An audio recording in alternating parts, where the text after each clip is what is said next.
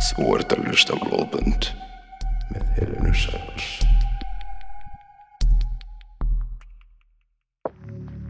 Sælir, kæru hlustendur. Í dag ætla ég að segja ykkur alveg ótrúlega óhugnarlega sögu. Lík finnst búta niður í ruslapókum og í íþróttatösku, en ekki er hægt að bera kennsla á líkið. Akkur ætli það sé? Ég ætla bara að vinda með beint í máli. Eins og ég tek alltaf fram er að þátturinn er ekki við hæfi badna. Þetta er sagan af Peter Kupasa.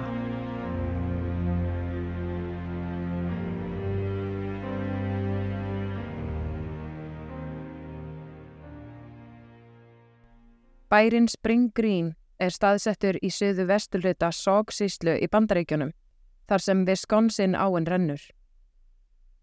Áin er ríkjandi eiginleiki í bænum og þar búa tæplega 2000 manns. Þetta er lítill og krútlegur bær með miklu lífi í kringum Wisconsin ána og meðal annars er mikið af vass íþróttum stundaða þar. Á sólríkum eftirmið degi þann 30. júli árið 1999 var móðir að eigða deginum með börnunum sínum tveimur við Wisconsin ána. Börnin voru að leika sér með skoplu og könnur. Þau flupu með fram ströndinni og við skólendið sem stendur við bakkana og skemmti sér konunglega. Annað barnið kom allt í einu auga á svartan ruslapoka á milli trjáa, aðeins lengra inn í skóin. Börnin eruð forvitin og flupu í áttina að pókanum. Þau voru sammála um að það væri skrítin líkt í loftinu og tóku fyrir nefið. Annað barnið tekur upp trjágrein og pikkar í pókan sem var bundin fastur með stórum hnút. En hitt barnið snýr við og kallaði á mömmu sína og baða hana að koma og sjá. Móðurinn stendur upp og gengur í áttina til krakkana og finnur lyktina í loftinu aukast því nær sem hún gengur og geiflar sig á meðan hún horfur í kringum sig. Þegar hún sá pókan leist henni ekkert á blikuna, sagði krökkunum að fara frá og ringdi á lögregluna. Jósef Wells og Patricia Ann Barrett tókuðu málinu og lögða stað til að kanna það sem að litla fjölskyldan fann í skóginum. Þegar þau hittu móðurina með krakkana sem bendi í áttapókanum, fundu þau lyktina í loftinu því nær sem þau gengu. Lykt af einhverju sem var greinilega að rótna. Þetta var lykt sem bóðaði eitthvað slæm. Þegar þau opnuðu pókan, blasti við þeim líkamsleifar af mannesku sem var komin á góða rótnunuleif. Þetta virtist bara vera búkur en engir útlimir eða höfuð. Útliminir höfðu verið skortnir af þannig að það var greinilegt að um skurðlækni, veiðumann eða slátrara var að ræða. Svo fínir voru skurðirnir að morðingin vissi greinilega hvernig nætti að verka og skera hold. Lyktinn var skelveleg og alveg greinilegt að búkurinn var búin að liggja þarna í sólinni í dágáðan tíma. Jósef og Patricia veifiðu frá sér flugunum sem að söðuðu í eirónmáðum og þau kölluðu á leðsauka. Þetta virtist vera líkamsbúkur af konu sem að dökka hörund. Það var mjög óhugnalegt að finna þetta þarna. Hvar var restina líkamannum og hvaða kona var þetta? Leit var sett á stað á svæðinu að restinni af líkamsleifunum. Móðurinn sem ringdi á laurugluna gatt sagt frá manni sem virtist vera fylgjast með á milli trjána og hegðaði sér eins og hann væri að fela sig. Hún veitti því þó ekki mikla aðtegli fyrir hún komst svo af því sem hafði verið í pókanum. Gat verið að morðingin hafi losað sér við líkið og vildi sé hann fylgjast með og fá sjá þegar líkamsleifarnar fundust. Þegar fólk á staðunum varð forvitið og vildi sjá hvað var að gerast, gáttu þrýr einstaklingar sagt frá manni sem að var að hegða sér undanlega þarna og hafði sá maður haft orð á hvaða lykt þetta væri í loftinu eiginlega. Að lauruglan þyrsti líklega að nota gaskrimi til að kanna hvað þetta væri. Manneski á vettvangi gæt líka gefið þær upplýsingar að þessi grunnsanlegi maður hafi síðan yfirgefið svæðið á hvítum pallbíl. Þessar upplýsingar voru gagslausar þar sem enginn náði bílnúmeraplötunni eða þekktan, svo það var ekki hægt að byrja að leita að manninum. Morgunin eftir fundust tveir aðrir pókar og svört stór ídróttataska en þeir innihjaldu fótleiki, handleiki og höfuðið af líkinu. Þegar pókin með höfðinu var opnaður var það vafið inn í marga innkaupapóka, merta matveruveslunum. Það sem gerði þetta svo óendanlega óhugnalegt var að það var búið að skinnfletta andlitið í þeim tilgangi að líkið myndi ekki þekkjast.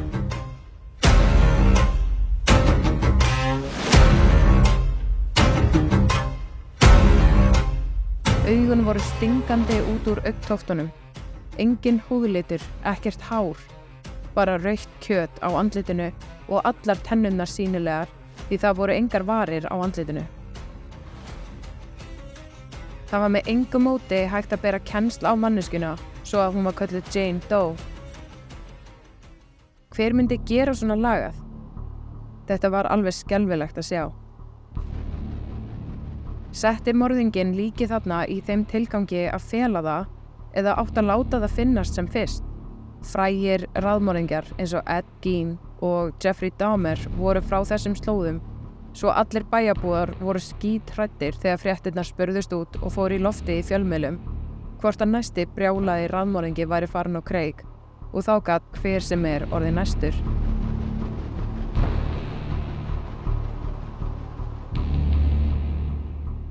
Lauruglan vissi ekkert að hverjum þeir ætti að vera að leita eða hvar ætti að byrja. Þegar líkið þekkist ekki og er ekki hægt að bera kennsl á það er engin byrjunareitur. Fingrafur konunar og tennur voru rendi gegnum gagnagrönn lauruglunar en skiluðu engum niðurstöðum. Mannesken hefði þurft að koma við sögu lauruglu áður til að niðurstöðunar getur gefið hver hún væri en svo var ekki. Trupning á líkinu leiti í ljós að konan hafi verið um 16 til 25 ára gömul. Hún var ekki með neyn húðflúr, enga áberandi bletti eða ör og hún var ekki með neynar tannfyllingar eða viðgerðir á tönnum. Tennunar voru bara fullkomlega heilbreðar. Komist var að því að hún hafi greinilega verið ólétt áður og ekki fyrir svo löngu. En án alls vafa var þetta dóttir einhvers, móðir einhvers og eða jafnvel sýstir. En á þessum tímapunkti var hún Jane Doe, sem þýðir að manneskan sjálf er enn tínd þótt að líka með sér fyndin.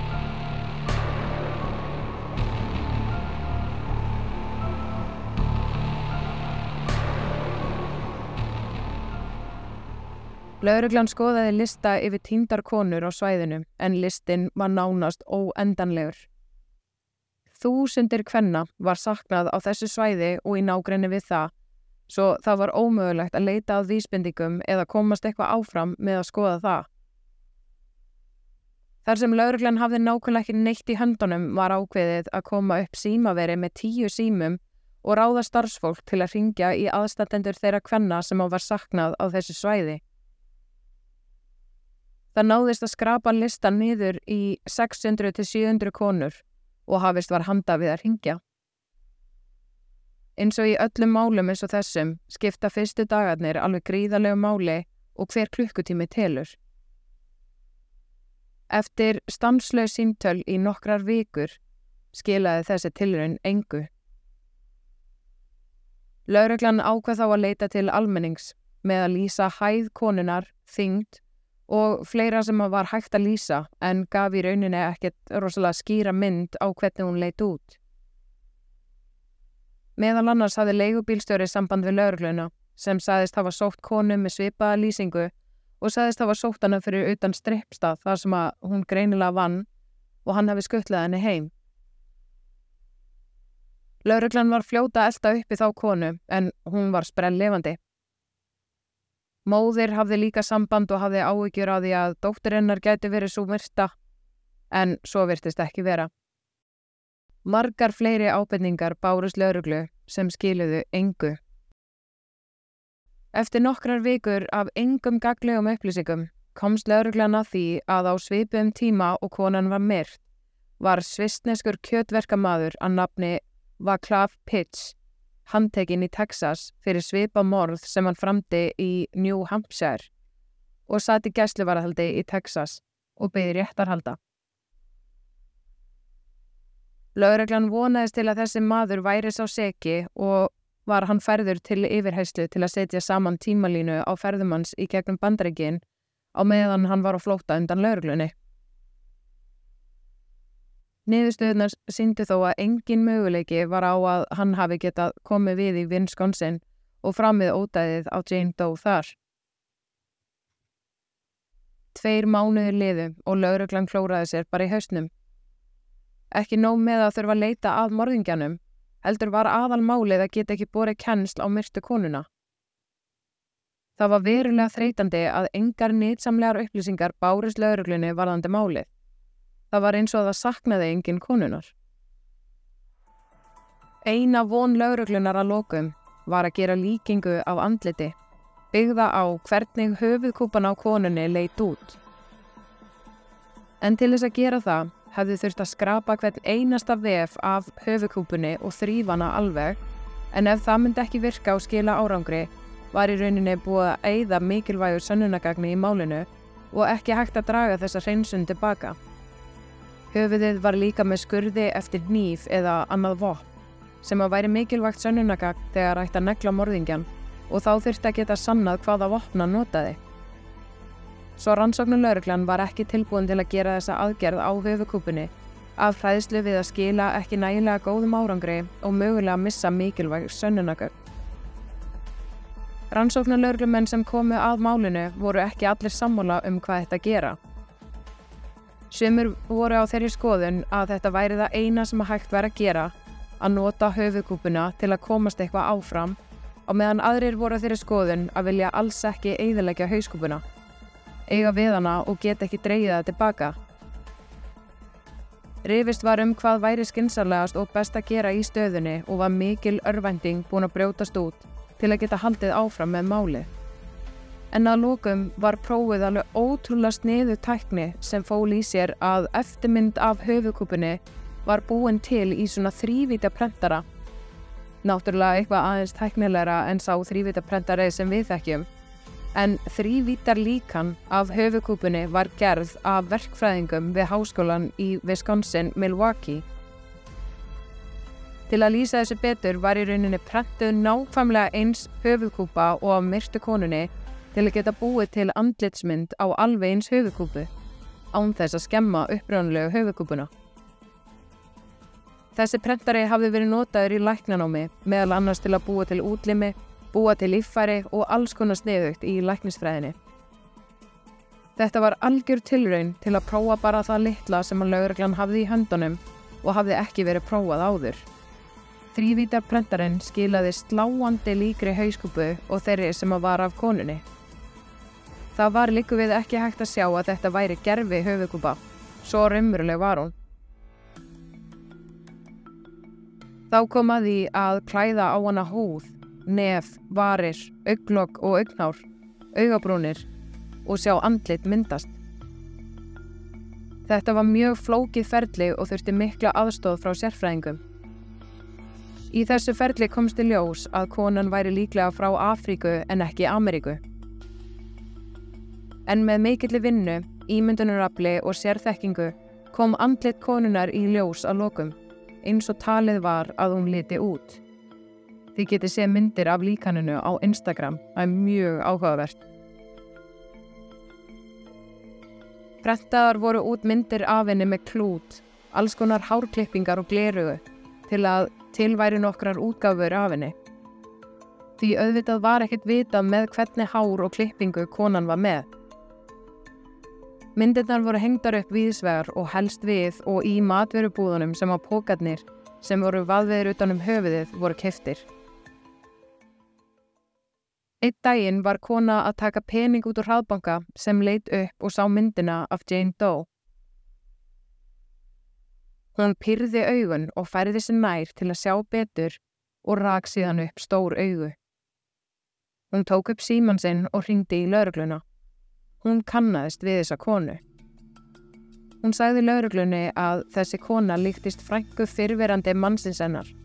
Sú kona var frá Tansaníu og hétt Mivanu Kupaza og var 25 ára gömur.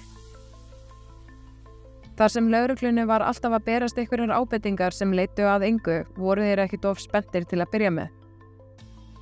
Þeir flettu henni upp og jú, hún hafði fæðist í Tansaníu og komið til bandaríkjana sem fullorinn einstaklingur. Hún var í skóla í Madison og talaði ennsku sem annað tungumál.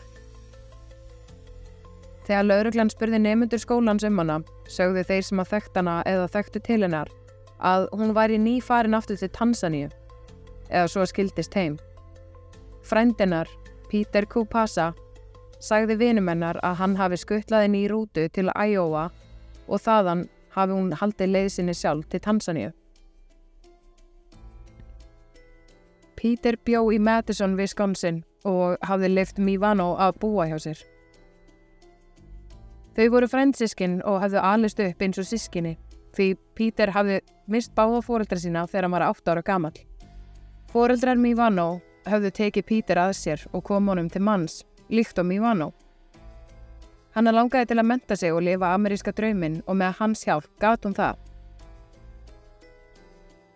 Haft var upp á konunni sem ringdi inn til að fá fleiri upplýsingar um hana og hvað hún vissi um málið. Hún hétt Sherry Goss og var fyrverandi konunnas Peter. Þau stóðu í miðju skilnaðaferli. Sherry vildi ekki láta til nafnsins geta þar sem hún var hrætt við Pítur og vildi alls ekki að hann vissi að hún væri að blanda sér í málið. Seri sagði að hún hafi farið til Tansaníu til að læra Swahili, sem er tungumálið í Tansaníu, og þar hafði hún kynst Pítur og þau orðið ástfangin. Hún hafi síðan komið með hann tilbaka til bandaríkjana þar sem að þau giftu sig og settu stað í Madison. Pítur hafi svo stungið upp á því að bjóða Mívano að koma til bandaríkjana og gefinni tækifæri á að verða eitthvað starra í lífinu en það sem að henni bauðist í Tansaníu og Seri samþekti það. Seri sagði lauruglunni að hún og Mivano hafðu verið góða vinkonur þegar hún kom til þeirra og gáttu þær tala saman á Swahili en þær hefðu farið í sikkura áttina þegar hún og Pítur slitu sambandinu. Seri sagðist þó ekki hafa séð Mivano í meira en ár.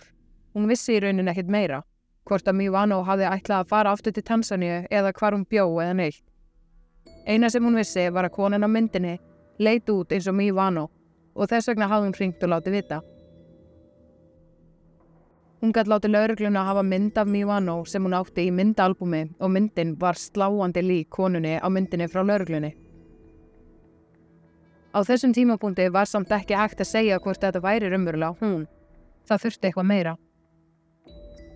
Það sem að Sherry sagði svo lauruglunni setti stórt streik í reikningin í rannsókninni. Hún sagði að hún hafi strax tekið eftir einhverju óþægilegu frá Pítur í Garð Mívano um leið og hún hafi flutt inn til þeirra hjóna. Hann hafi verið virkilega stjórnsamur, dominerandi og var alltaf að snerta Mívano að óþörfu. Hún sagði svo að hún kom staði að lokum að Pítur væri að misnota Mívano kynferðislega og nöðgenni. Mívano hafi orðið ólegt eftir hann en Seri og Pítur höfðu farið með hana í fóstureyðingu. Eftir þetta hafði Seri farið út af heimilinu og vilja skilna. Mívanu vildi aldrei fara aftur til Tansaníu því þar myndi hún lenda illa í því ef að upp kemist að hún hafi farið í fóstureyðingu. Í Tansaníu er ekki í bóði að fara í fóstureyðingu sama hvernig barnið kemur til. Þessi skuggalega saga fekk laurugluna til að vilja finna út sem fyrst hvort þetta væri Mívanu sem um var að ræða en til þess þurfti eitthvað DNA síni úr henni eða fingraför. Hvernig var hægt að nálgast það frá tindri mannesku? Rannsóknulegurlinni datt á snjallræði í hug. Þeir fóru á spítalan þar sem að Mívano hafi farið í fóstureyingu og vildu fá pappirana sem að Mívano hafi skrifað undir þegar hún hafi skrifað undir beðinni fyrir fóstureyingunni. Það hlutu að vera fingraför á þeim skjölum.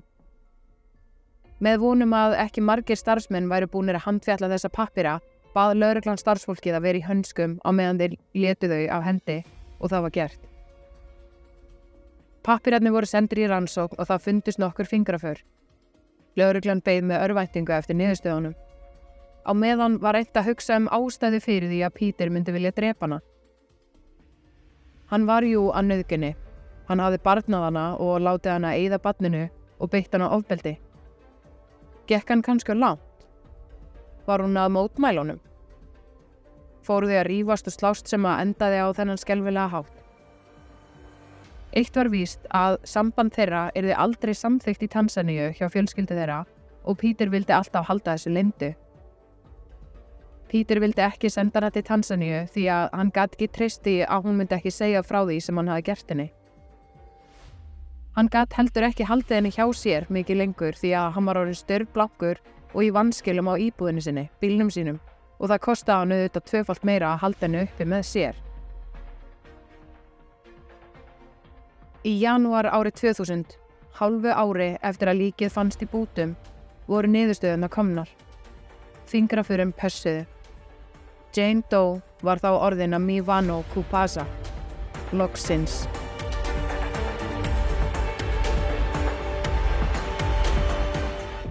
Lörglann hafði samband við Seri aftur og fóru með töskuna sem líkamsleifar Mivano hafði fundist í og Seri brá þegar hún sá töskuna.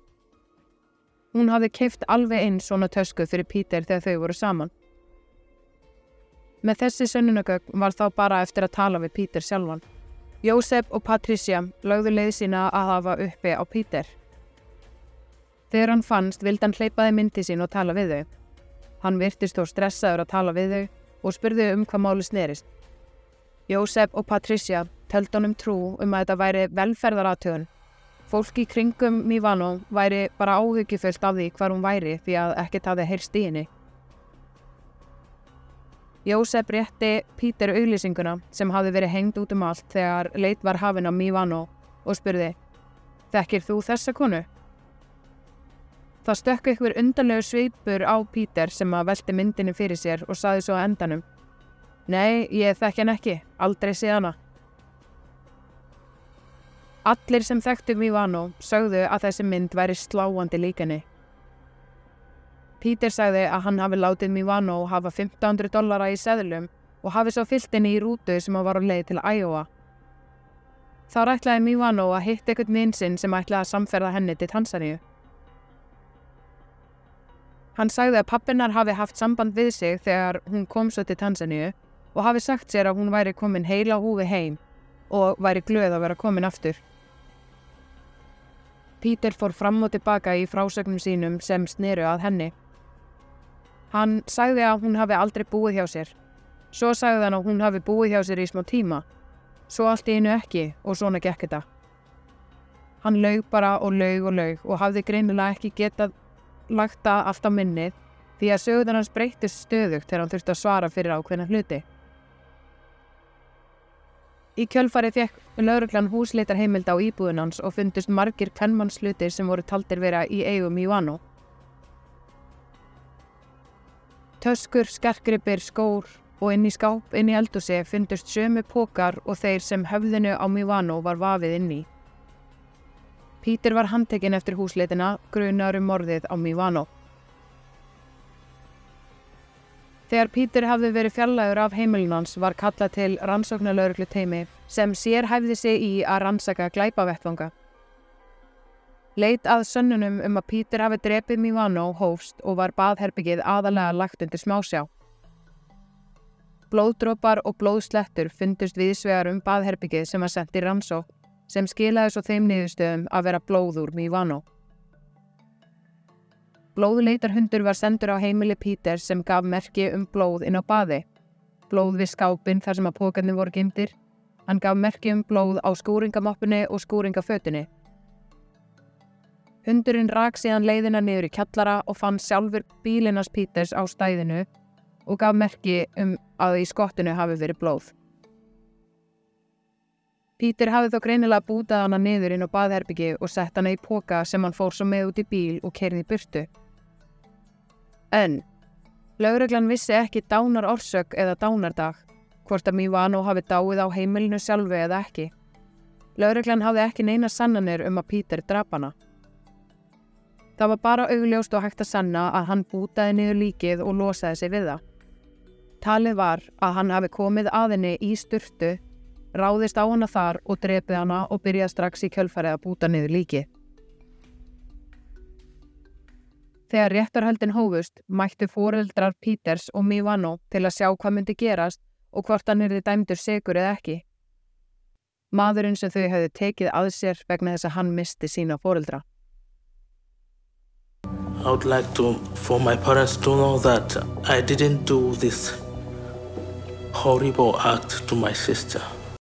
Peter Kupaza var dæmdur segur og fekk lífstíðadóm í fangelsi. I don't know what to say, but I would like to tell you today that I did not do this.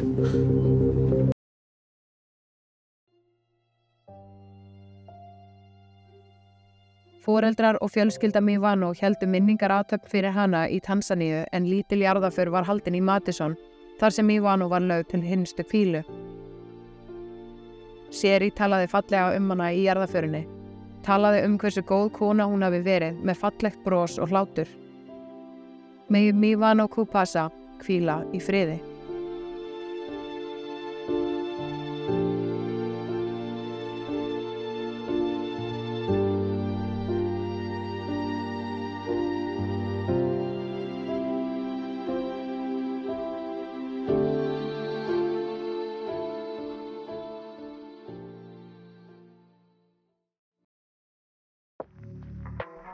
Þá er komið að lokum í dag.